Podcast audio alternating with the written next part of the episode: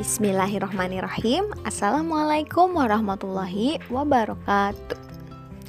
Kali ini kita akan membacakan buku kisah menakjubkan binatang dalam Al-Quran Karya Aan Wulandari U Ilustrasi oleh Agus Willy Christie. Selamat mendengarkan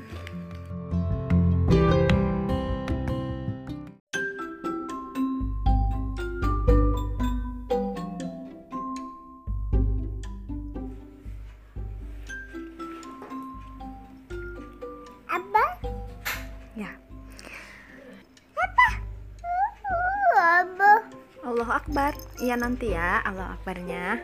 Sekarang kita baca cerita dulu. Judulnya Nyamuk yang lemah. Sore hari anak-anak sudah berkumpul di saung sambil mengobrol. Nyamuk Sifan ucap Khalil. Lalu plak Khalil langsung menepuk pipi Sifan Aduh tentu saja Sifan kaget Mukanya merah wajahnya masam Aduh Maaf, habis gemes ada nyamuk di pipimu nih. Kalian menunjukkan nyamuk yang gepeng di tangannya. Banyak nyamuk nih, Radit menepuk kakinya. Iya, anak-anak yang lain mengiyakan. Tanganku gatel-gatel nih. Maklum, saung ini kan letaknya di kebun, jadi banyak nyamuknya, ucap Khalil. Ada apa? Tiba-tiba kakek datang. Nyamuknya banyak banget, kek lapor Sifan lalu menunjuk pipi Sifan. Nih, pipi Sifan khobar korbannya. Korban double, Radit terkikik. Korban nyamuk dan korban pukulan sifat mendelik. Bagaimana kalau sore ini kita kerja bakti? Usul kakek. Ih kakek, apa hubungannya nyamuk sama kerja bakti? Sifan merenggut.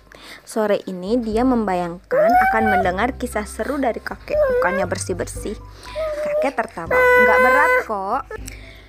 Nggak berat kok. Kita pindahkan tanaman kenikir, serai, dan lavender di dekat sini. Maksudnya kek tanaman yang kakek sebutkan tadi tidak disukai nyamuk. Insya Allah nyamuk jadi enggan mendekat ke sini. Oh, semua mengangguk-angguk. Tanpa disuruh dua kali, mereka pun membantu kakek memindahkan pot lavender ke saung. Mereka juga menanam pohon serai dan kenikir di samping saung. Kakek tak pernah kehabisan cerita ketika melihat nyamuk, kakek bertanya kepada anak-anak. Nyamuk ini makhluk lemah atau kuat? Lemah banget kek, sekali tepuk aja udah gak bernyawa, saud Khalil. Nah, ada firman Allah yang ditunjukkan kepada kaum musyrik tentang lemahnya berhala yang diumpamakan dengan seekor nyamuk. Sesungguhnya Allah tidak segan membuat perumpamaan seekor nyamuk atau yang lebih kecil dari itu. Quran Surat Al-Baqarah ayat 26 Anak-anak mendengarkan dengan serius Allah Subhanahu wa taala pernah menghinakan seorang raja yang lalim, kejam dan mengaku sebagai Tuhan. Raja yang gagah perkasa itu meninggal disebabkan oleh nyamuk. Wah, cerita menarik nih. Anak-anak berseru senang. Tepat saat itu mereka sudah berhasil memindahkan semua tanaman ke dekat saung.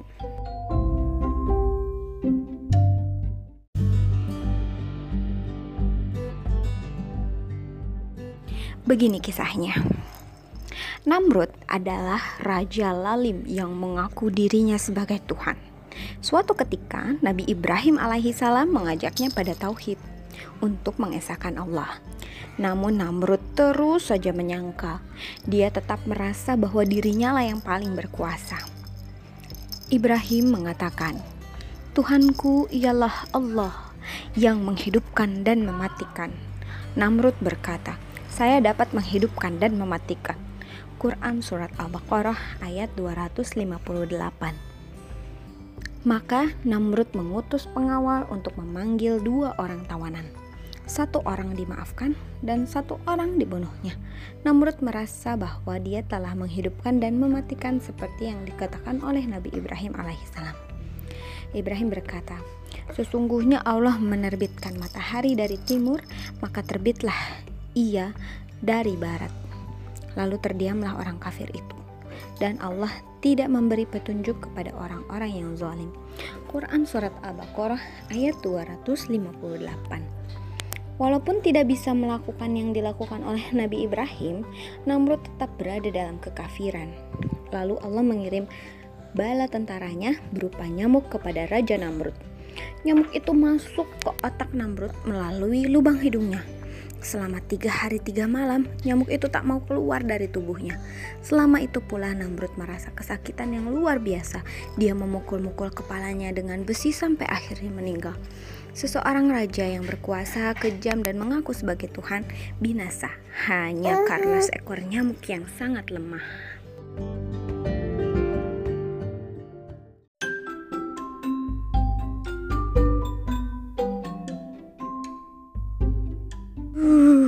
Sifan berkidik ngeri membayangkan rasa sakit yang diderita Raja Namrud. Balasan dari Allah sungguh mengerikan ya kek, ucap Radit. Kesombongan Namrud luar biasa, bahkan sampai merasa dirinya sebagai Tuhan. Khalil ikut menimpali. Betul, itu yang harus kita ambil hikmahnya. Tentang sombong, semoga kita dijauhkan dari sifat sombong. Kekayaan, kekuatan, atau kelebihan lainnya itu sungguh tak seberapa karena manusia adalah makhluk yang lemah. Kakek mengakhiri ceritanya dengan nasihat.